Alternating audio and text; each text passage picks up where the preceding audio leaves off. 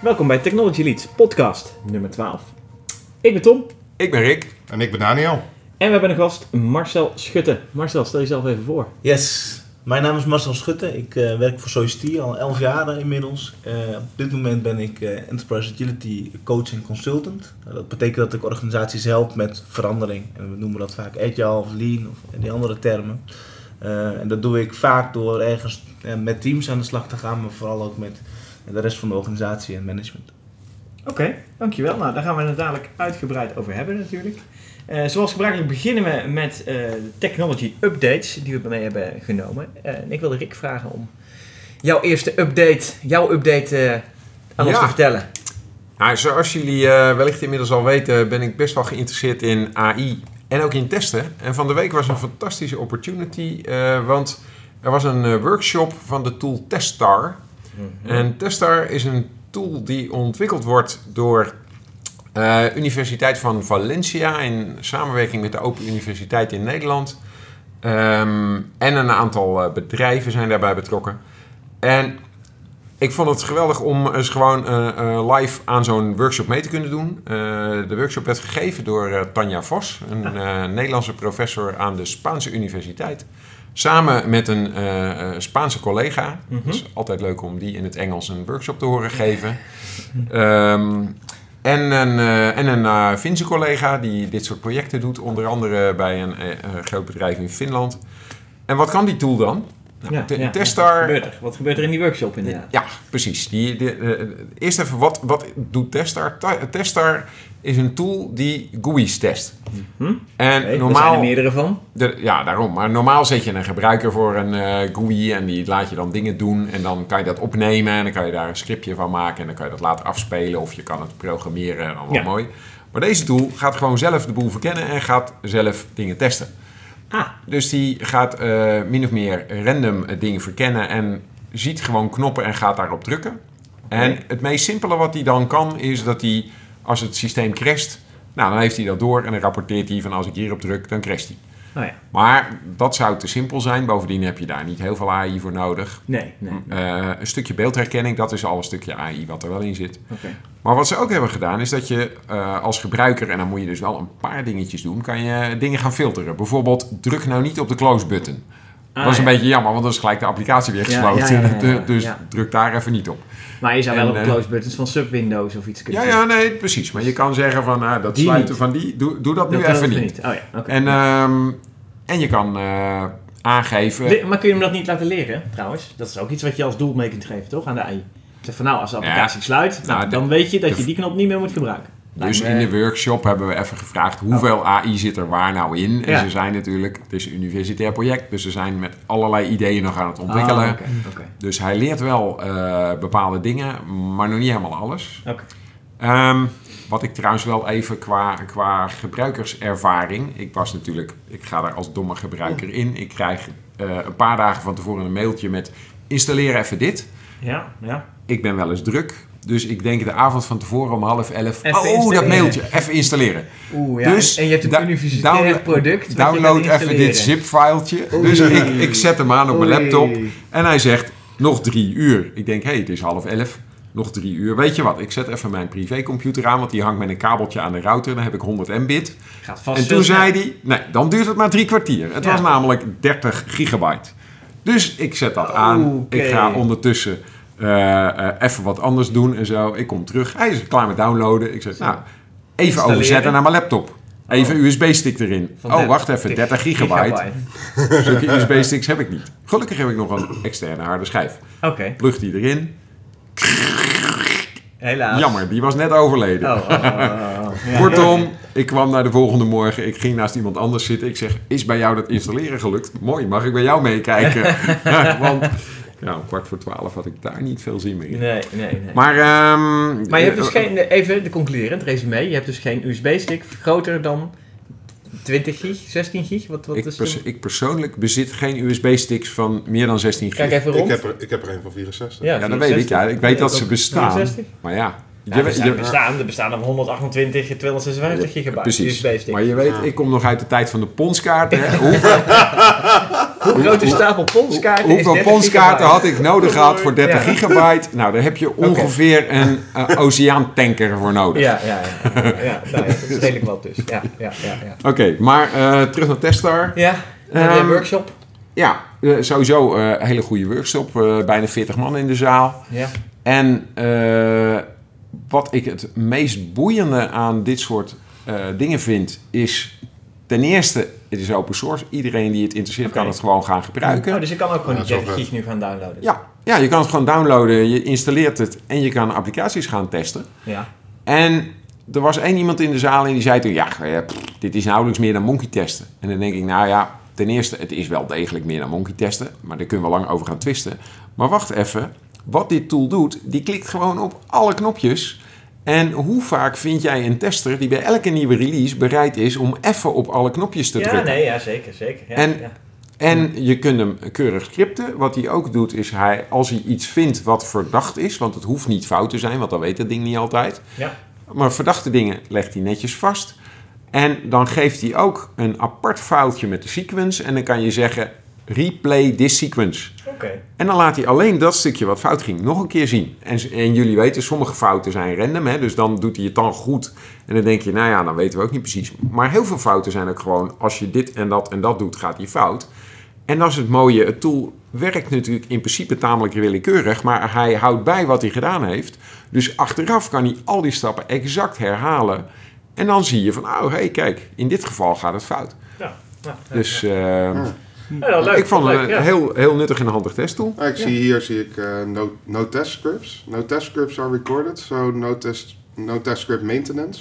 Ja, je hebt geen maintenance, want hij genereert ze iedere keer opnieuw. Ja. Ja, Maar- Maar je kan wel die sequences opnieuw Ja, laten uitvoeren. Ja, Ja. Want herhaalbaarheid is natuurlijk wel een ding. Ja, Want je Ja, moet maar- wel herhaalbaar iets kunnen doen, zeg maar. En- Nee, dat klopt. Maar herhaalbaarheid, ik zit dan een beetje hier wel met het punt dat herhaalbaarheid van... eh, eh, Oké, als ik een fout vind, dan kan ik herhaalbaar die fout nog een keer reproduceren. Ja, dat zit er dus in. Maar eh, als ik een regressietestset heb die gedefinieerd, die ik normaal zou definiëren, zelf. Ja. En ik wil die honderd keer uitvoeren, 100 dagen achter elkaar. ja nee, dat maar wordt hier dat, moeilijk, zeg maar. nou, maar dat pakken ze heel anders aan. Want ja, ze hebben een je andere maakt, definitie daarvan je- natuurlijk. nee, nee, maar je maakt niet een script van wat hij moet testen. Je Nee. maakt een filter van Ja. waar hij tijdens het testen rekening mee moet houden. Dus je zegt, hou er rekening mee dat je niet op die close button klikt. Eh, doe in deze applicatie niet meer dan vijf acties achter elkaar en begin dan opnieuw. Hè? Want als je vijf acties hebt gedaan, ben je wel bij de bottom. Terwijl bij andere applicaties zeg je nou, doe minstens 30 acties achter elkaar. Want dan heb je eindelijk een normaal eh, gebruikspatroon. Ja. Dus, dus je kunt een hele hoop dingen instellen, maar je maakt niet scripts. Je zegt alleen, op de, volgens dit stramien moet je testen. Ja. En, en het lijkt dus heel veel op exploratory testen. En daar is de interesse voor dit tool ook ooit mee begonnen. Dat we een, een, ehm, eh, hoe heet dat, een artikel hebben geschreven over self-exploring test Ja, tools. ja, ja, ja, ja. En Testar is daar een, een eh, heel mooi Mooi voorbeeld voorbeeld van. En natuurlijk, het kan nog heel veel beter. Ja, ja, ja. En gelukkig, het is een universitair project. Dus elk semester komen er weer nieuwe studenten die er weer stukjes bijbouwen. Het is Dus- open source, dus je hoopt dat Ja. de community het oppakt en dat die het beter gaan maken of wat ook. Ja, ja. Ja. mag gewoon design erbij komen, want het ziet eruit alsof het Ziet uit de tijd van de ponskaart komt. Daarom vond ik het zo mooi. Hey, een vraagje van mijn kant, hè? want als, als je kijkt naar de gedeelte van mijn werk, is ook het leren van organisaties om juist korte lijntjes te zoeken met gebruikers en klanten om korte feedback loops te krijgen. Nou, dat, dat zit natuurlijk Ja. de testen natuurlijk ook heel belangrijk in. Hoe, hoe is, daarvoor, is daar ruimte voor in die tool om, om juist ook niet alleen maar technische werking te testen, zeg maar, maar ook wat is de extra toegevoegde waarde die deze, deze functionaliteit levert? Of heb ik, Ik daar- denk juist dat dat de essentie is. Want het, de tool is niet gericht op de, het testen van de techniek. Het is gericht op het testen van de gebruikersinteractie. En, en die filters waar ik het over had, waarmee je dus die tool kan sturen van Mhm. wat voor soort dingen zou ik willen dat je gaat onderzoeken. De, het is natuurlijk heel verstandig dat je een gebruiker hebt die vertelt van dit is normaal gedrag en dit zijn dingen die we toch nooit doen. Ja. En daar kan je dan mee filteren. Hè, want eh, vanuit een technisch oogpunt is het natuurlijk altijd aardig om dingen die ze nooit doen toch even te testen. Ja, want er is ja. altijd één gebruiker die het wel doet. Ja. Maar dus de, de, de kern van je test moet zijn, die dingen die ze vaak doen, doen die het ook gewoon. Precies, ja. Dus het is wel het verschil tussen brute force, alle, eh, eh, alle schermen combinaties aflopen versus eh, echt gebruik. Zeg maar, Ja. hè? Dat is een Ja. beetje wat, wat deze tool dus doet. Echt gebruik, meer. Precies. Meer richting echt gebruik. Ja.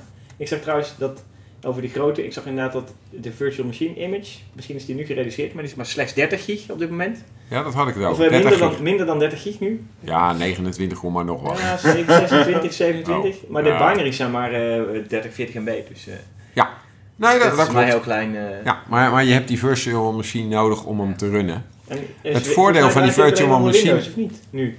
Ja, helaas wel. Ja. Maar ja, dat maar is... wel eh, Java, dus dat zou ook gewoon op de Mac gepoord moeten kunnen worden. Toch, Daniel? Ja, joh. Ja, Makkelijk. gaan we doen. Gaan we doen. Ga jij dat doen? Open source?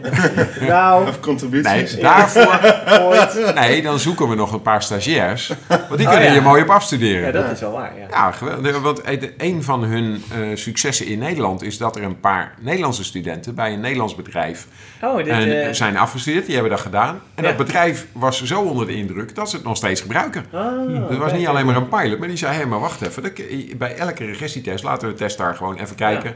No broken links, eh, Ja. alle buttons doen het nog. Go, go, Gewoon go. doen. Ja, ja. Ja. gaaf. gaaf.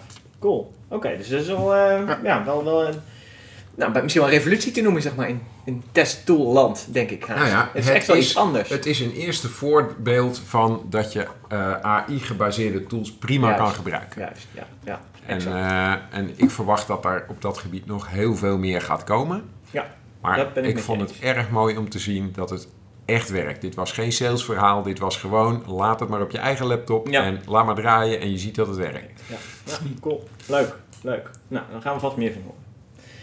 Eh, ik zat te denken, want eh, eh, Daniel maakte net de opmerking van, nou, er mag nog wel een, een designtje overheen, eh et cetera. ik had zelf als nieuwsitem meegenomen, eh, eigenlijk de podcast eh, die ik luisterde op eh, eh, een paar weken terug, twee, drie weken geleden. En die ging over eh, liefde voor het ontwerpproces in de Technoloog, was dat. Eh, waar Jasper van Kuik de gast was. En dat is eh, een eh, designer. Volgens mij is hij GUI designer of iets dergelijks. In ieder geval designer. Maar ook cabaretier. Oh. En hij schrijft columns in de Volkskrant. En die lees ik altijd wel met plezier. Want dan pakt hij altijd een, een design flaw, zeg maar, beet. En daar, ja, daar, duikt hij in van waarom kan dit niet veel beter? Of waarom is dit zo gruwelijk slecht? Of wie heeft het ooit bedacht dat dit zo zou moeten werken? Eh et cetera. En dat kan echt van een GUI zijn tot eh, eh, ja, een soort heel proces of zelfs de omgeving waarin dingen gebeuren. Maar de onderwerp van deze podcast heette dus Liefde voor het ontwerpproces. En eigenlijk de les die ik eruit meegenomen heb is dat, dat er gesteld werd dat als je een product gaat maken, en daar komen wij natuurlijk ook zeker in de testwereld, maar eigenlijk iedereen wel komt daarmee in aanra- aanraking, als een product ja, de product lifecycle start meestal bij een pakket met eisen en eh, eh, wordt daarna op basis van die eisen gemaakt en getest eh, en uiteindelijk aan de klant geleverd. Maar zijn stelling is, is ja, een pakket met eisen is altijd, is altijd beperkt, is altijd gelimiteerd tot de eisen die je bedenkt. Ja. En de testen die je maakt of doet zijn ook alleen maar gelimiteerd tot, tot het eisenpakket. Oké, je, kunt wel, je kunt wel zeggen, ik ga daar omheen andere dingen ook nog testen, maar in principe focussen we ons heel vaak op hetgeen wat opgeleverd wordt. Terwijl eh, eh, er wordt niet een design gemaakt en op basis daarvan het product gemaakt en daarna getest. Want dat is iets anders namelijk. Want een design is een, een eerste idee, eigenlijk net als de tool die jij net eh, eh, gedemoed, eh, geworkshopt hebt. Is eigenlijk een eerste idee van hoe zou, het nou, e- hoe zou het er nou echt uitkomen te zien? Hoe zou het nou echt moeten werken? Helemaal nog niet af of niet Hmm. real-time of mag best met plakband in elkaar zitten of wat ook. Eh, en dat design, daarvan kan ik al zeggen, eh, als ik mijn design van een microfoon eh, aan Marcel geef, dan kan hij zeggen, ah ja, oké, ja, dit is wel ongeveer wat ik, wat ik voor ogen heb. Maar eigenlijk het knopje op die microfoon, dat had eigenlijk rood moeten zijn, of blauw of paars. En ik had eigenlijk die voet had even een beetje gedraaid moeten zijn in de kleur. En daar kun je een hele discussie over hebben, zeg maar. Nou, dan pas ik mijn design aan en op een gegeven moment zeg ik, nou, hier ben ik wel happy mee. Nou goed, dan moeten we dit in productie gaan nemen. En daar heb je dan nog hele stappen voor om daar te komen. Want dan moet er iemand een CAD-tekening maken om in metaal iets te gieten. En dan moet er iemand eh, software gaan schrijven die aansturing doet. En et cetera, et cetera, et cetera. Maar dat is dan gebaseerd op een design. En niet op een eisenpakket waarin staat... eh, eh, ik wil een microfoon hebben Ja. die geluid met zoveel decibel omzet naar een signaaltje. En er moet een knop op zitten met een rood ledje erachter. En dan moet et cetera, et cetera, et cetera. Want daarmee maken we, hebben we niet het overzicht van het geheel. Maar- Allemaal losse maar- eisen is, is, is, ons zat. Maar jouw boodschap is dan dat we dat in de IT te weinig doen. Ja, absoluut. We, we Dat- baseren dat- ons op een hele lijst met, met eisen, omdat we allemaal mensen gaan interviewen die allemaal een, eh, een, een, een set eisen hebben. En soms ook nog conflicterende. Nou, wat ga je daar dan mee doen? Maar goed, even dat, dat, dat daar gelaten. Ja, als we nou hier Maar deze ik drie vind, het, mensen ik vind het wel een hele wonderlijke observatie. Want ik, ik, ik ben, eh, ja, sorry, Ja. en dan kom ik weer, bij, ik zit al een tijdje in de IT. Ja, ja, ja. ja, maar ja. ooit was ik functioneel ontwerper. Ja. En dat vertaalt zich als design. En wij waren Ja, maar hoe schrijf je daadwerkelijk. dat ontwerp dan op? Nou, wij, wij, maar wij begonnen wel met wat moet er precies gebeuren en hoe wil je het hebben. En, ja. ehm, dus wij maakten wel eerst een schets van wat hebben we straks. En niet Ja, dat we ja. op gingen schrijven van zoveel decibel en dat. Ja, ja, ja. En dat ja. moest later ook wel. Ja. Maar eerst van wat is het proces en wat moet er aan het eind gebeuren.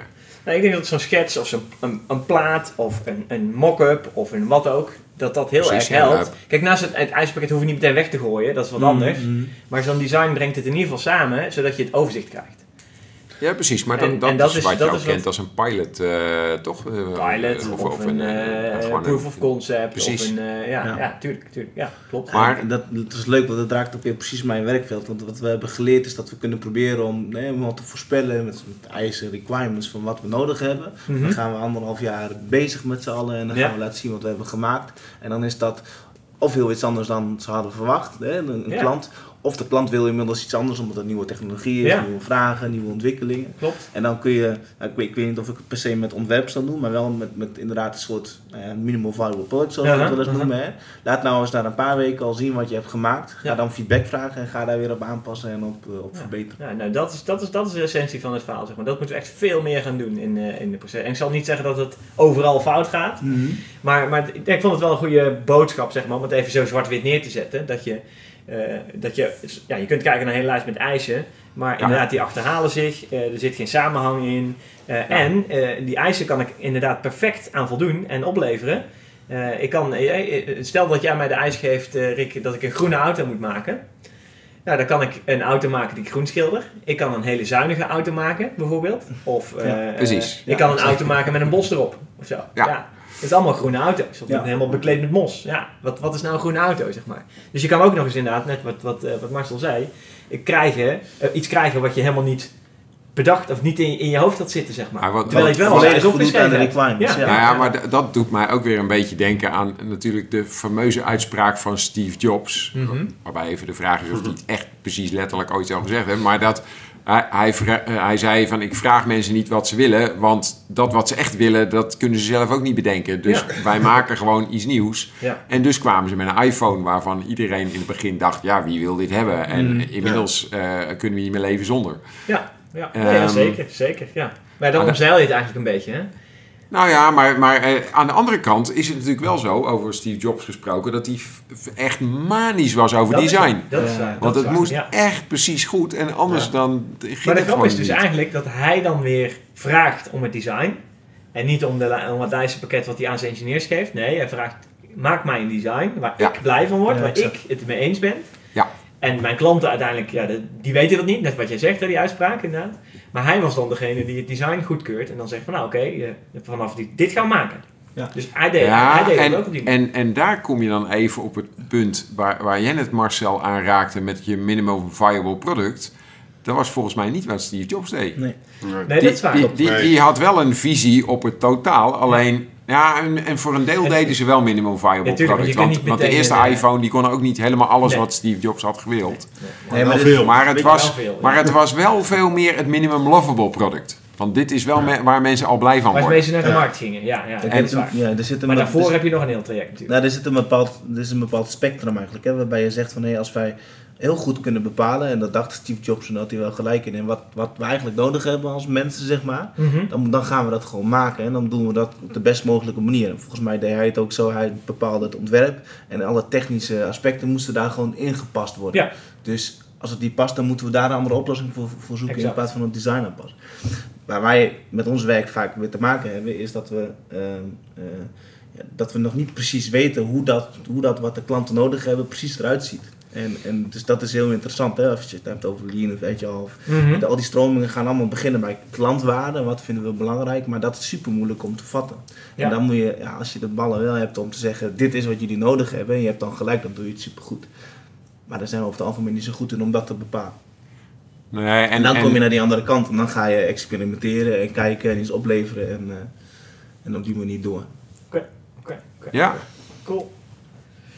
Maar leuk. eh, design eh, is eh, inderdaad wel een heel belangrijk eh, proces. Ja, dat denk ik ook. Dat denk ik ook. Dus ik vond dat een, in ieder geval aanrader om te luisteren. We zullen hem, eh, de link in de show notes zetten. Ja. Lijkt me Lie- goed. Liefde voor het Liefde ontwerpproces. Ik vind het een mooie link. Precies. Ja.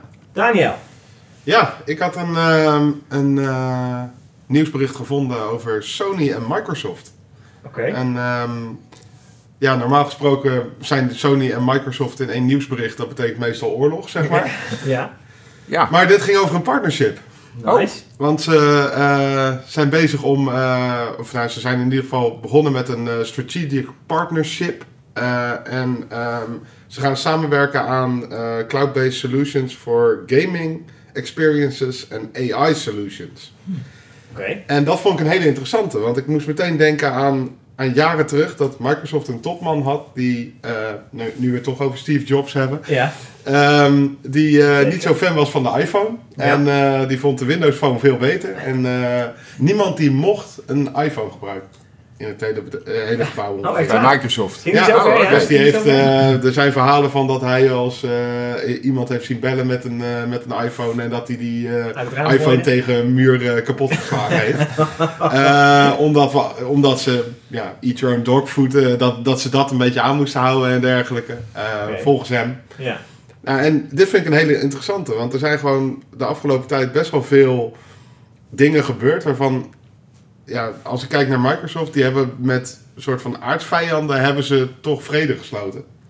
En dat vind ik super interessant, want dat, dat Sony en Microsoft nu samen, eh, ja, voor, vooral voor gaming, want daar zijn ze echt hele grote concurrenten op, op dat gebied gaan samenwerken. Maar is is, dit echt- ook niet een heel klein beetje eh, de vijand van mijn vijand is mijn vriend? Ehm, Proberen ze... Nou ja, dat zou het zomaar kunnen. Want als je Een kijkt beetje natuurlijk- wel, ja, want hebt want natuurlijk het gaat Apple- over die streamingdiensten. En je ziet nu, Apple wil opeens gaming Ja. streaming doen. En Google gaat Ja, ja, ja, gaming ja. streaming doen. En, Ja, en- maar die zijn nog nergens. Als in van, die, die, die, die, zijn, er- die zijn ermee begonnen. Nee, die hebben nog en, niet en- echt en. Microsoft en Sony zijn juist Ja. twee, Ja. De, de twee grootste die er zijn. Ja, dan gaan de twee grootste samen. twee Dat vind ik echt heel interessant. Ja, dat is wel hoe, boeiend. hoe verhoudt Nintendo zich dan? Nou ja, Nin- Nintendo is ook ontzettend groot. Maar Ja. ik denk dat Sony en Microsoft die verdienen het meeste op dit moment. Ja, doet Ja, Nintendo ook gaming. game streaming? Eh, nee, niet streaming. Nee, dat niet. Maar je ziet natuurlijk wel dat ze nu met de nieuwe... Ja, is- ik denk dan gelijk aan de console wars. Eh, Ja. in dit, ik weet niet of dat hiermee, de link hiermee eh, te maken heeft, maar... eh, ik kan me voorstellen dat zij heel erg bezig zijn met de nieuwe next, gen, next generation console. Ja, en de- de, maar de- PlayStation versus de Xbox is natuurlijk altijd een Ja. battle. Maar dat zijn natuurlijk, ze zijn natuurlijk allebei, proberen ze natuurlijk ook weer weer marktaandeel van nou, met name Nintendo waarschijnlijk te pakken. En inderdaad de, de aankondiging van Apple Maar- die, maar eh, even voor mijn- streaming gaming hebben. Voor mijn idee dan, de- met die game streaming, heb je dan nog zo'n console nodig of niet? Of kun je Ja, je die game gewoon streamen naar je laptop? Ja, dat is, dat is waar, ja. Mhm. Maar dan nog steeds, jij kan ook eh, eh, zeggen, nou weet je wat, mijn, de next gen console van PlayStation is gewoon de portal naar de Ja. streaming. Wat ze zeggen, die nieuwe PlayStation, de, eh, want je hebt uiteindelijk heb je grafische kaarten nodig, zeg maar. Om, om goede renders te maken en, en, en gave beelden en zo te doen. Dus wat ze nu zeiden, van nou weet je, als je een PlayStation koopt, dan heb je ook één, dezelfde computing power in de cloud. Krijg je erbij. Oh, oké. Bijvoorbeeld, hè? maar je kunt dus naar een model waarbij je zegt, nou weet je wat, je hebt alleen maar computing power in de cloud. En je hebt alleen maar een kastje nodig bij je tv dat, die, dat Soort- alleen maar de videostream Een soort verzorgt. eh, thin client en, eh, en je moet Ja. een hele goede internetverbinding hebben. en je moet een hele goede... eh, nou ja, dus op, op een gegeven moment valt dat ook wel weer mee, want je hebt alleen maar streaming data nodig. Net als jij 4K video streamt. Dat is Ja. genoeg. Ja. Dat is Nou niet, zo- heb je niet zo'n nee. hele heftige video of, of, eh, Eh, internetverbinding. Wij in Nederland denken dan, ja, pff, iedereen Ja, heeft kabel. exact. Nou, dat is al niet waar, hè? Want als jij 10 Exact. kilometer buiten een woonkern eh, Ja. woont, heb je vaak al waar. niet meer een kabel. Nou, dat, dat is ook de reden waarom de, die, die streaming videodiensten, dat dat nog best wel een ding is. Eh, je ziet zelfs dat nu de uitspraak was van, de, volgens mij van Apple inderdaad, of tenminste een geruchte rond de Apple streaming videodienst, dat ze die willen gaan uitproberen in een klein landje in Europa. Ja. Een klein landje in Europa. Ja, ja, landje. Een vrij klein land in Europa. Omdat die de- zo'n ontzettend goede infrastructuur hebben wat Ja. betreft Ja, ja. eh, eh, in- nou, internetconnecties. Zeg maar. Ja, nou ja, dat, Want wat beter dan daar precies. een test uit te voeren. want als je dat ergens in het hooggebergte in Nepal gaat Ja. proberen, dan... Ja. eh, Ja, maar eh, Amerika bijvoorbeeld is, is, eh, heeft ont, eh, nou ja, in verhouding met ons echt belabberde eh, internet eh, connectivity, zeg maar. Ook, en, en die hebben een heel ander model. Hè? In, zelfs in New York eh, eh, heb je gewoon een, een cap op het aantal data dat je binnenhaalt. Dus als jij een, een, in- eh, internet streaming eh, gaming dienst wil afnemen en je doet dat met een 4K stream, nou ben je met een, met een paar uur bij klaar. Ja, ja, voor de rest van de maand, zeg wordt maar. echt een beetje duur. eh, Ja, eh, het kan gewoon niet. Ze hebben het gewoon niet. wat? Oh, hij wordt gewoon ge, eh, het is gewoon afgekapt. klaar. Want je kunt niet zoveel data in die hele stad in pompen. Ja, dat is nog een ander probleem natuurlijk. Ja. Je hebt nog een paar glasvezels extra nodig. Ja, en infrastructuur. En hoe krijg je het dan in het appartement waar jij woont, et cetera, et cetera. Maar in Amerika hadden ze toch ook die issues met Comcast, met die netneutraliteit en Ja, zo. Dat, dat. Netflix bijvoorbeeld, die moest gaan betalen aan Comcast om te zorgen dat hun Die- dienst Ja, goed geleverd werd bij de klanten van Comcast. Ja, Dat is oké, want daar gaat de, ja. de concurrentie nog Ja. iets verder. Dat ze Ja, gewoon bepaalde internetadressen blokken Ja. en zo. Ja, volgens mij mag dat hier niet bijvoorbeeld. eens. Nee, nee, nee, nee. Nee. Dat mag inderdaad niet. Maar de streaming gaming diensten zijn nog best... Is, een- ja, is een leuk concept en er zal best wel geëxperimenteerd mee gaan worden. Maar als je kijkt naar wereld, nou, wereldwijd sowieso de dekking van internetverbindingen is, is helemaal nog niet zo goed dat je overal eh, eh, makkelijk die eh, hoge streaming rates kunt halen. Nee. Dus dat is één ding. Eh, een land als Amerika is er ook nog niet klaar voor, zeg ik dan eventjes. eh, eh, qua infrastructuur. En dat is toch ook wel een hele grote markt, denk ik, voor eh, console gaming, Ja. met, met name. Ehm, nou, er zijn er wat landen die wel goede, goede infra hebben. En in Scandinavië is het natuurlijk ook zo. En, en bij ons. En, en nou, er zijn ongetwijfeld nog meer landen in de wereld waar dat zo is. Maar ja, dat is, dat is maar een heel kleine markt. Ja, nog niet een grote getallen. Nee. Zoals je, ja, ik weet niet hoe het in Azië zit, maar dat is ook een heel Dat groot gedeelte ook, niet ja. een goede Exact, verbindingen. exact. Ja. Dus, dus je zal voorlopig nog wel even een situatie krijgen waarbij je gewoon die console nog steeds de console blijft. En die, dat wordt niet een hele thin client. Dan zal je nog Nee. steeds, daar zal je nog steeds die, die graphical user, eh, eh, die, die eh, GPU nodig hebben Ja. om eh, lokaal ook eh, te kunnen berekenen, zeg maar. Maar, dan, maar dan terug naar jouw nieuwsitem. Want jouw nieuwsitem ging juist over cloud-based. Ja, toch? Ja. Ja, vooral over cloud-based inderdaad. Ja. En- het, het, en- het is een stukje over het ehm, gedeelte met eh, cloud-based eh, gaming en content streaming services. Oké. Dus dat is eigenlijk de, de, de, ja, het Oh, streamen van, van gamen. Ja. Maar het andere gedeelte was eh, AI. En ze gaan eh, Microsoft Azure AI-technologie gaan ze eh, ook in bijvoorbeeld ehm, eh, Sony's eh, consumer eh, fotografieproducten en dergelijke gaan ze dat doen. Dus ik zie dan voor Ah, me dat bijvoorbeeld een Sony-camera Ja, eh, misschien gebruik maakt van eh, Microsoft Azure eh, Cognitive Services. ja. Wat dus is dat eh, automatisch metadata aan een foto meegegeven wordt. Ja. Van hey, eh, ik zie nu eh, eh, tien mensen lachen voor een, eh, eh, voor een landschap. precies. Dat ja. hij dat meteen al beschrijft, zeg maar. En dan weet hij misschien ook al ehm, welk landschap dat is. Misschien kan hij al de, de, plek, ja, kan hij al bepaalde dingen ja. kan hij beschrijven. Ja, Nou, dat GPS ziet hij aan de GPS weer. ja. En dan zegt Precies. hij... Ik Oh. zie die mensen staan lachen voor de Taj Mahal. Ja. Ja. En dan... En, en. Ja, het zal, het zal Ja, een duo, en- en- duo ding zijn, denk ik. en, en Ja, af en toe... Ik dacht altijd... Hoe cares met dat soort captions? ja. Maar ik, had, ik mocht laatst training geven en daar zat een blinde deelnemer in de zaal. Oh.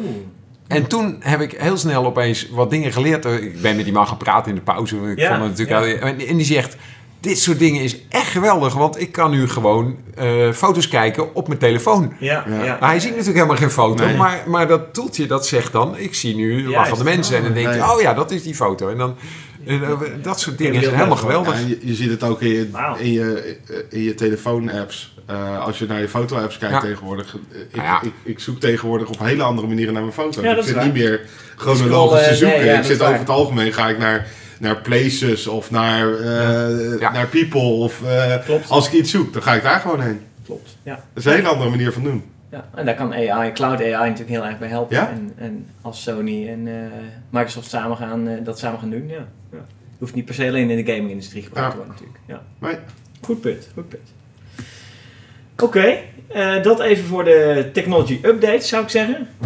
Leuke updates. Laten we eens verder gaan. en Marcel heeft al een paar keer wat referenties naar wat hij, eh, wat hij allemaal doet bij Mhm. klanten eh, neergelegd. Dus even kijken wat jij verder doet. Ik vond het interessant, je begon met je voor te stellen dat je coach en consultant bent. Yes. Wat is het onderscheid tussen die twee in jou en hetgeen wat je doet? Nou, er zit een, een, ehm, een stukje coaching gaat vooral over. ehm, nou, laat ik het anders uitleggen. De, de vraag die ik aan mijn klanten stel als ik binnenkom is: wil je dat ik help de organisatie verbeteren, of wil je dat ik de organisatie leer om zelf te verbeteren? En Mhm. ik denk dat die consultant stuk zit, zit in het eerste. Hè? Dus wat zijn nou de best practices? Hoe kunnen we nou ehm, sneller, beter, wendbaarder eh waarde leveren? Mhm. De tweede zit in het proces van hoe, hoe leer je nou een organisatie om dat zelf te kunnen doen. En waarde leveren. Je hebt het over waarde leveren. Wat is, hoe, hoe moet ik me dat voorstellen? Gaat het dan over eh, dat eh, engineers sneller hun, hun code schrijven? Of hoe, hoe, kun je, hoe kun je dat concreet maken? Nou, dat, dat, dat zit hem vooral in wat, wat je ziet. We, ik loop vaak bij de wat grotere organisaties rond, is dat de, de afstand tussen de ontwikkelaars, tussen de techneuten en de markt best wel groot is. Met allerlei verschillende rollen die daartussenin zitten. En wat, wat, wat daarvoor zorgt is dat er een bepaalde vertaling komt elke keer van wat is nou je waarde. En wat we eigenlijk willen proberen is om, om sneller waarde op te leveren, MVP's op te leveren. Om dan een feedback loop te creëren van oké, hebben we nu gemaakt wat jullie hadden verwacht? Eh, of, of moeten we dat anders doen? En meestal is het toch in het begin, we verwachten nog iets anders. En om, om die loop, klein, die loop wil je eigenlijk zo klein mogelijk maken. Dus dat eh, kennen jullie wel in het werken met Scrum en Sprints. Hè? In plaats van een watervalproject die over anderhalf jaar iets oplevert, lever je elke twee weken iets op bijvoorbeeld. Nou, dat, dat, dat is bijvoorbeeld een van de onderdelen daar. onderdelen van. Oké, oké, oké. Dus je gaat kort cyclischer of kijken naar hoe je sneller een, een iets oplevert waar iemand iets aan heeft. Yes, ja. ja. En, en dat, zit, dat zit vaak in een aantal as- aspecten. En dat, ja, ik, zei, het al even, maar hoe- in hoeverre zijn, zijn teams op zichzelf in staat om waarde te leveren? Of zitten daar heel veel afhankelijkheden met andere onderdelen in de organisatie? Mhm. En hoe groter organisaties worden, hoe meer die afhankelijkheden eh, worden. En dan krijg je allerlei technische uitdagingen waar we dan weer technische oplossingen voor verzinnen. Maar de complexiteit wordt vaak niet minder. Oké, oké, oké, oké. Nou, dat is wel interessant, want dat betekent dus dat niet alleen de developer of de testengineer of de eh functioneel ontwerper eh, eh, zijn, zijn dingen beter moet doen, maar ook de rest van de organisatie eromheen. Yes. Want anders krijg je krijgt inderdaad wel vaak dat teams roepen, ja nee, ik, ik, ik heb niet mijn deadline gehaald, want er zat iemand bij sales en die had ik nodig en die was niet. Of zo. Ja, ja. Doe maar het heel... Nee, de, de- Ja. Kijk, als je het, als je het heel. ehm, als je het wil samenvatten, of als je het op een bepaalde manier wil samenvatten, dan kun je zeggen: we zijn met heel veel dingen tegelijkertijd bezig. En wat, waar ik mee wil helpen, is dat we zorgen dat we met z'n allen met dezelfde dingen op hetzelfde moment bezig zijn. En dat zorgt namelijk voor heel veel verandering. Maar dan heb ik het niet alleen maar inderdaad over, over ontwikkeling en bijvoorbeeld eh, operations en beheer, maar eigenlijk die hele keten van wie heb je nou allemaal nodig om, om waarde op te leveren, om nieuwe dingen op te leveren. Ja, ja. Maar hoe, hoe krijg jij al die verschillende mensen dan zover dat zij met z'n allen ergens aan werken? Want wat mij heel vaak opvalt is dat het toch steeds meer, ah, nog steeds, ondanks dat wij eh, cross-functional teams hebben en zo, is het nog steeds allemaal mensen die op hun eigen vakgebiedje blijven zitten. En, en dat een heel Je, je interessante kunt ook niet proces alles doen natuurlijk. Nee. Nee, nee, maar, maar, het, nodig, nee, maar het heeft te maken met een, een houding volgens mij. Ja, Een zeker. Nou, het zit, het, zit in, het zit allereerst in, zijn we in staat als organisatie om, om te focussen op de dingen die we nu belangrijk vinden. Ehm, en, en zijn we dus, in, in, en dat, dat is één. En dat combineer je eigenlijk met vaak toch een andere organisatie-inrichting waarbij je niet meer op specialisme bent ingericht, maar een soort functionele inrichting. En we noemen dat ook wel value streams. Dus hoe loopt nou de waarde vanaf de klant door de organisatie weer naar de klant toe?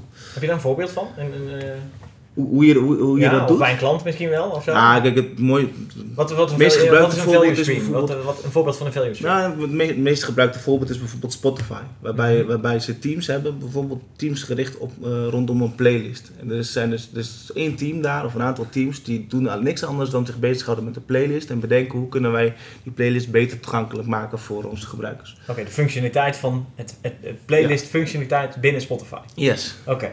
En dat, dat zou een manier zijn om die organisatie anders in te richten. Dus dat je zegt van nee, we gaan het niet, we gaan niet alle developers en alle testers bij elkaar zetten en op die manier hè, het- werk doen voor, voor de hele applicatie waar we het dan over Ja. hebben. Maar dat, dat doen we voor stukjes. En die zijn van zichzelf, hè, op zichzelf zijn ze verantwoordelijk eh, voor het leveren van de juiste Ja. dingen. Maar eh, oké, dus dan heb je eh, value streams. Dus nou, nemen we Spotify als voorbeeld. Dus je hebt de playlist en je hebt de, de, de, de, de, de GUI en je hebt dus de speel eh, en je Ja. hebt er nog, nog twintig andere, zeg maar. Yes. Geweldig. Ehm, eh, maar er moet ook iemand kijken naar het geheel. Is dat dan ook een value stream? Of hoe ziet, hoe ziet dat er dan Nou, uit? maar- ja, daar zie, zie Want als je het helemaal Ja, ja. opzopt, dan, dan, dan heb je op een gegeven moment komen we op het ijzerpakket uit waar we het net toen straks over hadden. Dan gaat iedereen zijn dingetje heel goed maken, maar samen krijg ik niet wat ik wil hebben. Nee, dat zit, dat zit in een paar dingen. De eerste, de eerste is eigenlijk dat je, dat je zoveel mogelijk wilt zorgen dat je, eh, en dat je, dat je het systeem loosely koppeld hebt, zodat, zodat teams op zichzelf wijzigingen Ja, zodat je, die play, zonder dat, zodat veel- je de team playlist kan doen wat hij wil doen, zeg maar. Ja, en Ja. zonder dat je daarmee meteen op een andere plek iets onderuit haalt. Hè? Want Ja, dat precies, gebeurt vaak bij, de, bij de wat meer traditionele Exact. organisaties. Dus je, Ehm, je hebt ook een architectuurverandering nodig als je dit wil doen. Yes, ja. Dus de manier eh, hoe, je, hoe je tegen architectuur aankijkt is, is ook niet meer... Nou, Ik heb bijvoorbeeld van, van eerdere eh, eh, jobs, zeg maar, ik ik Mhm. nog security checklist met bijvoorbeeld 300 regels in Excel, hoe je, waar, waar je allemaal aan moet voldoen. Ja. Ehm, en dat past niet meer. Nee. En waar het dus naar verandert is veel meer, we hebben bepaalde kaders, architectuurkaders, kaders qua security, kaders qua techniek. En als het daar binnen past, kun je daar binnen de keuzes maken die je zelf wilt maken. Oké. Ja, Maar goed, oké. maar dus steeds. Dus, dus wat ja. je, het onderscheid Ja. wat ik aan het Ja. schetsen ben langzaam, langzamerhand is dat je hebt die value streams, maar Juist. daaronder heb je ook nog, eh, dat noemen we ook wel eens feature teams, daaronder heb je ook nog een soort van component teams en dat gaat over die generieke componenten. En de beweging die je daarbij wil maken is tweeledig. Je wilt zo, in, uit, principe zo min mogelijk van die component teams hebben, want hoe minder je die hebt, hoe minder afhankelijkheid je hebt. Ja, ja. Dus hoe meer wendbaarheid. Als je dat, eh, waar dat niet kan, wil je zoveel mogelijk automatiseren, zodat dat eh, gestandardiseerd is en Ja, zodat ja. het ook weer snelheid oplevert. Dus Oké. Maar dan nog steeds, dan kom ik weer terug bij mijn punt. Als je een systeem maakt, dan integreer je al die verschillende value streams. Dus je hebt altijd een integratiepunt. Anders kun je niet de, nou, de Spotify-applicatie opleveren zoals die is. Ja. Het moet een geïntegreerd geheel zijn van, nou, nogmaals, de playlist, je login-mogelijkheid, eh, alle koppelmogelijkheden, nou, alles wat, wat, wat Spotify maakt, zeg maar. Ja. Dus Ja. hoe borg je dan dat de waarde van het geheel ook waarde heeft? Ja. Want eh, no- no- nogmaals, als ik een hele goede playlist maak en een hele goede interface bouw, maar ze ergens ja, zit, voldoe ik wel aan alle eisen die ik gesteld heb Mm. binnen mijn kader, hoeft dat nog niet samen een geweldige oplossing te, Nee, te leveren. nee. Nou, wat, wat, daar, kijk, wat, wat daarin helpt is dat je korte release cycli, cycli hebt. Dus dat betekent ook dat je snel kan, kan eh, nou ja, zeg maar testen in productie, om het maar zo te noemen. Hè. Daarvoor Oké. zit natuurlijk nog veel meer testen. Hè. Je hebt regressietesten. Ja, Uiteraard zoveel mogelijk geautomatiseerd. Maar dat, dat betekent, dat is wat Spotify ook wel eens doet. Het zal- soms komt het voor dat jij al nieuwe functionaliteit hebt in je Spotify-app, Ja. terwijl ik die nog niet heb. Ja. En dat, dat is een manier hoe ze daar met Spotify mee omgaan, om, om, eh, om die checks te doen eigenlijk. Het, zo, het zogenaamde AB-testen. Van twee ja. versies en kijken welke Ja, versie het beste Ja. werkt. Maar dit is wel, verder. ja, we zoomen nu wel heel specifiek in op, op de- dit model en Ja, zo'n ja, ja, ja. organisatiemodel. Ja, want, want kijk eens even, eh, eh, meestal zitten wij nou, bij, bij administratieve organisaties en, en die hebben dan niet, eh, ik neem maar als voorbeeld een verzekeraar, die hebben niet één pakket waar alles in zit, maar die hebben specifiek eh, een stukje voor autoverzekering en een stukje voor woonhuisverzekering. En, eh, eh, Hoewel, ja, dan, eh, ik, ik zie, zie Tom al een beetje fronsen. Dan moet wel de, Ja, de, de user interface van de woonhuis en de autoverzekering wel hetzelfde uitzien. Ja, ja. Want ze hebben een corporate Exact. image. Ja, exact, exact. Ja, dus dat dat, is- dat is je kader waarbinnen je deel moet werken, bij wijze van spreken. Dat, is- dat is, dat is zo'n kader. Ja. En die, maar die wil je dus hè, die wil je zo minimaal mogelijk maken, omdat dat die, de, Sure. de vrijheid die je hebt, die, die beperkt Ja. tegen. Maar weet je, in, in dit voorbeeld zou je dus kunnen zeggen, we hebben verschillende producten of stukken dienstverlening en, en we gaan onze organisatie daaromheen vormen in plaats van, van andersom. Eh, en en we, Ja, zijn ja. ook wel, we maken wel eens het verschil tussen een projectgerichte organisatie en een productgerichte organisatie. Ja. Waarbij als je een project hebt, heb je een begin en een einde. En als het project klaar is, is het klaar. Eh, Dat zorgt voor een bepaald gedrag, dat zorgt Ja, voor ja, een ja, bepaalde absoluut. insteek. ja. En ook niet een commitment voor dat product om dat het beste te maken Exact. zoals je het wil maken. Dat en als is je, als je zegt van je bent verantwoordelijk voor een product, dan wordt dat weer heel anders. En ja, ze- zeker, hè, terecht punt. Ja, je, moet, je moet ook wel blijven kijken, zelfs als je het over losse producten hebt, naar het geheel. Ja. Wat is nou het ge- geheel van onze dienstverlening? ja, exact. Dat, dat bedoel ik, Daar- zeg maar. Ja. En, en wat, daar, wat je ziet ontstaan in de markt steeds meer is de schalingsmodellen zoals Save en Les. Nou, dat is vanuit mijn kant weer zijn allerlei technische termen misschien. Maar die, die proberen antwoord te ja, geven op Sa- want SAFe is Scaled Agile Framework. Yes. Ja? En, en LES is de variant van Scrum daarop. Oké, en wat is de afkorting van les? Want Eh, eh, large scale Scrum. Large scale Scrum. Oké. En, en eh, het, het, eh, het antwoord, dat is eigenlijk het antwoord wat, wat zij proberen te geven. En ehm, wat je ziet is dat dat heftig wordt geadopteerd. En ehm, dat heeft zo zijn voor- en nadelen. Nou, want, want ik zit nou even te denken, wat een voorbeeld vond. Nou, eigenlijk, ik ben het niet eens met de opmerking van Rick dat we veel in aan kantooradministreringsomgevingen zitten. Want we doen natuurlijk ook heel veel high-tech opdrachten. Eh, eh, om ons heen. Dus we zitten ook veel bij, Ja, bij wij andere doen- wij tech, doen natuurlijk eh, van dingen. alles, We doen maar- natuurlijk van alles. Maar eh, eh, los daarvan, zeg maar, ik vind het voorbeeld van de verzekering, verzekeraar wel interessant. Want je hebt, nou, oké, we hebben value streams. We hebben de inboedelverzekering stream en de autoverzekering en eh, eh, de zorgverzekering stream. Ik noem maar even wat. Dat zou, zou de value streams Ja. kunnen zijn, toch? Ja. Zo zie ik Ja. het. Helemaal goed. Maar dan zit er ook value, zeg ik dan, in het feit dat als ik ze alle drie afneem bij diezelfde verzekeraar, dat ik korting krijg. Waar zit dat dan? Is dat dan weer een aparte value stream? Even nog los van de kaders waarbinnen je valt, eh, eh, de- dat, dat de, de look and feel hetzelfde is en dat ik bij dezelfde helpdesk terechtkom als ik een vraag heb. Of dat ik, Mm, ja, nee, ja, weet ik, die- ik kan er nog veel meer dingen zijn, bedenken. Maar ik, ik zat me te denken, oké, er zit waar, letterlijk waarde in het feit Ja. dat ik ze alle drie afneem, of twee van de drie, dan krijg ik Ja. iets Ja. minder korting, of drie, Ja. of vijf, of Ja. et cetera. Nee, dat, dat, dat klopt. Dus dat- dat, ja. dat, meer, ja, dat denk dat dat meer een, eh, dat zit iets meer denk ik aan de commerciële kant. Maar, maar ik denk wat je punt is van, hey, als je kijkt naar eh, lo- losse producten waar Ja, het over loosely coupled, hè, zei jij zo mooi. Ja, ja, als je die combineert heb je misschien wel meer waarde. ja. Ja, ik, dat, is- dat, dat is een goede vraag. En ik denk dat, dat eh, we, we ja, daar vooral antwoord op geven door te, door te schalen en door over zo'n organisatie te kijken waar liggen nou de prioriteiten. Dus wat moeten we dan als eerste gaan doen? En, en dan zou het best kunnen zijn dat het iets overstijgend is. En, Ja. daarom, en, als je kijkt naar, ehm, naar wat we aan het doen zijn vaak, dus dat is heel veel gericht op teams. Maar juist hierom is het ook belangrijk om, om een stapje daarboven te kijken. Dus wat is nou de complete workload die we hebben? Juist. En welke keuzes gaan we dan maken? Oké, oké. Dus dat systeemdenken zit er wel nog steeds in, zeg maar. Het is Ja, niet zeker. zo dat je door Ja. value streams en loosely coupled eh, architectuur, et cetera, eh, eh, nou, ja, het- ik noem dat net los zand, zeg maar, krijgt. Maar Nee, maar het eh, zou- het zou- dat systeemgedachte blijft overeind. Het zou best kunnen dat je, dat je, kijk, producten hebben een bepaalde product lifecycle. Dat betekent dat op een gegeven moment is een product een keer op. Ja. En dan gaat er iets nieuws komen. Dat betekent dat je goed moet blijven nadenken over welke teams je waar inzet, op welke producten. En dat vraagt dus inderdaad meer over het systeemdenken en kijken naar het geheel. Ja, Maar wat- je, gaf aan eh, ook over component teams, dat je die liefst zo min mogelijk hebt. Maar voor mij is component eigenlijk juist iets wat herbruikbaarheid-achtig iets is. Dus Ja, het is, dus, kijk, die, die componenten zijn er. Hè? Dus die zijn, en die zijn, die, als je kijkt, die zijn extreem belangrijk voor de wendbaarheid van de organisatie. En dat wordt heel vaak onderschat. Dus we gaan heel vaak met ontwikkelteams aan de slag. Dan gaan we Scrum doen en dan zijn we klaar. En ondertussen duurt, duurt het, dat komt nog steeds voor. Duurt het nog steeds drie weken om een server aan te vragen of zoiets. En dat, dat, dat heeft een bepaalde impact op die wendbaarheid. En, en die, ik, dus de eerste, de eerste antwoord daarop is, die componenten zijn extreem belangrijk. Maar die hebben ook een hele grote invloed op die wendbaarheid. En daar wil je iets aan doen. En, en, met allerlei ontwikkelingen die er zijn in de markt doen we dat al. Hè, met, met cloud, met, met allerlei andere eh, oplossingen. Maar, daar, maar dat is dus meer waar je naartoe wilt. Maar En- eh, zit daar ook het fenomeen van eh, enabled teams of empowered teams in dat je zegt van een, een team wil iets aan een bepaalde component doen. Ehm, normaal gesproken moet je dan dat andere team vragen, doe dit, maar dat team heeft even geen tijd. Dan mag je het zelf doen en je hoeft alleen nog door het andere team te laten eh, goedkeuren, waardoor je veel flexibeler bent, want in principe kan iedereen overal aan aanpassen. Alleen er is één iemand verantwoordelijk van het moet wel goed zijn.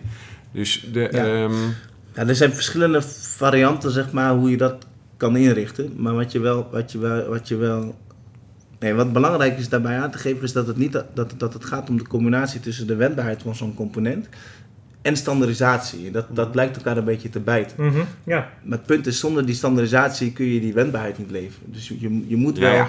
Hè, bij Lean Ja, standaardiseren, bij DevOps automatiseren. Je hebt dat nodig om, om snel te kunnen leveren. Maar je moet ook leveren wat gevraagd wordt. En, en daar zit een, een groot spanningsveld. En, en, en wat ik me nog afvroeg is, we hebben het vaak, vaak kijken we naar techniek, maar volgens mij is jouw voornaamste uitdaging zit in de mensen. Ja. En, Ja. en, en, en hoe, hoe ga je ermee om dan? Hmm. Nou ja, dat is, dat is, ongeveer, kijk, dat is ongeveer mijn dagelijks werk inderdaad. Dat is grappig, hoewel, hoewel ook techniek en systemen hebben, kijk, kun je je nu voorstellen, heel veel invloed op, op de wendbaarheid Ja. van een organisatie. Dus die moet je echt niet onderschatten. Ehm, je, hebt, je, je hebt gewoon heel vaak te maken met mensen die in een bepaalde rol zitten en die rol gaat veranderen. En daaraan vast blijven eh, houden is een hele logische, eh, logisch gedrag eigenlijk.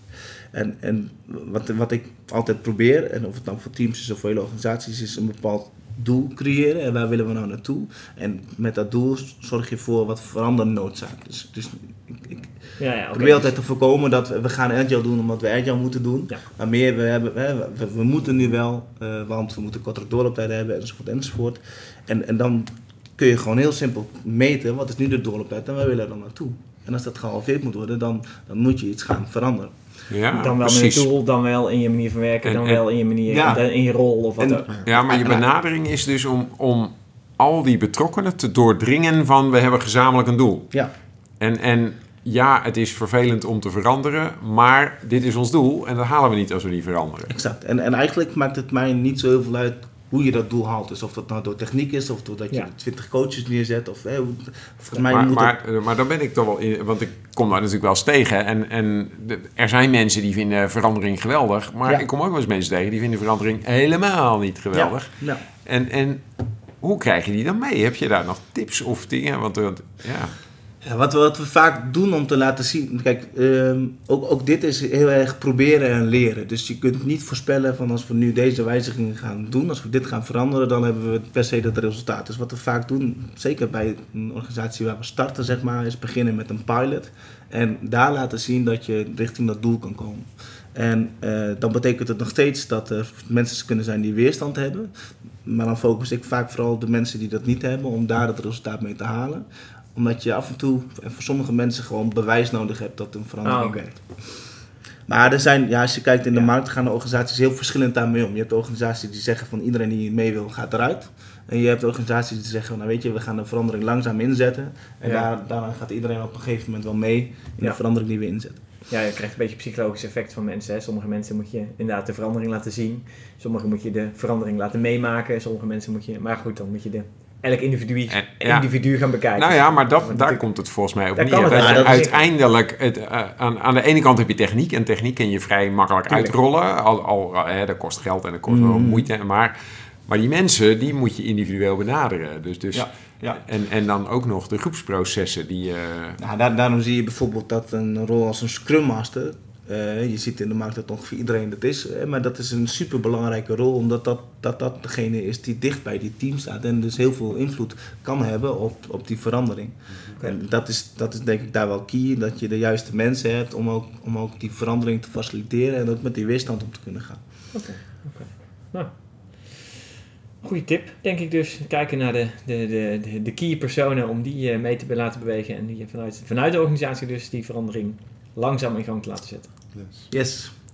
Oké, nou, eh, ik wil je eh, bedanken voor eh, eh, dit inzicht en eh, je bezoek aan onze podcast. Daarmee gaan we hem ook gelijk afsluiten. Eh, ik zou zeggen, eh, bedankt hier ook allemaal en eh, bedankt de luisteraars voor ja, luisteren. bedankt en tot de volgende. Tot de volgende.